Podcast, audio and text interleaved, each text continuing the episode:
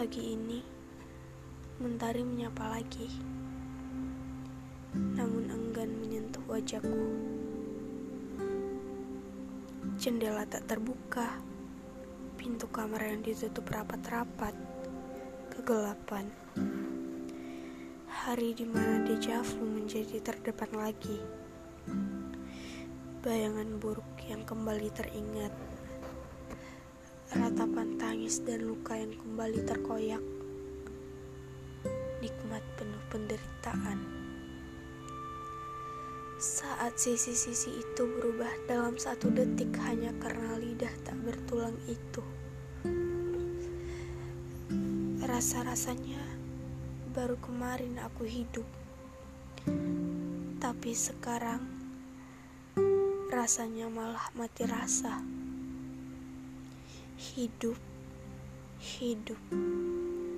Jika tidak begini, bukan hidup. Pagi ini kembali suram, bagai puisi yang enggan lagi untuk aku baca,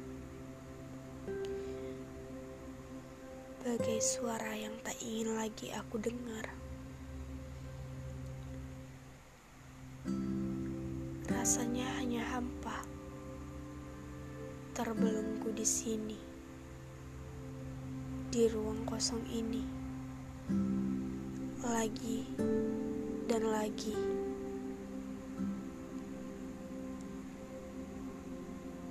Jika disuruh jujur, aku akan berteriak. Aku akan berteriak. Aku lemah tak sekuat itu.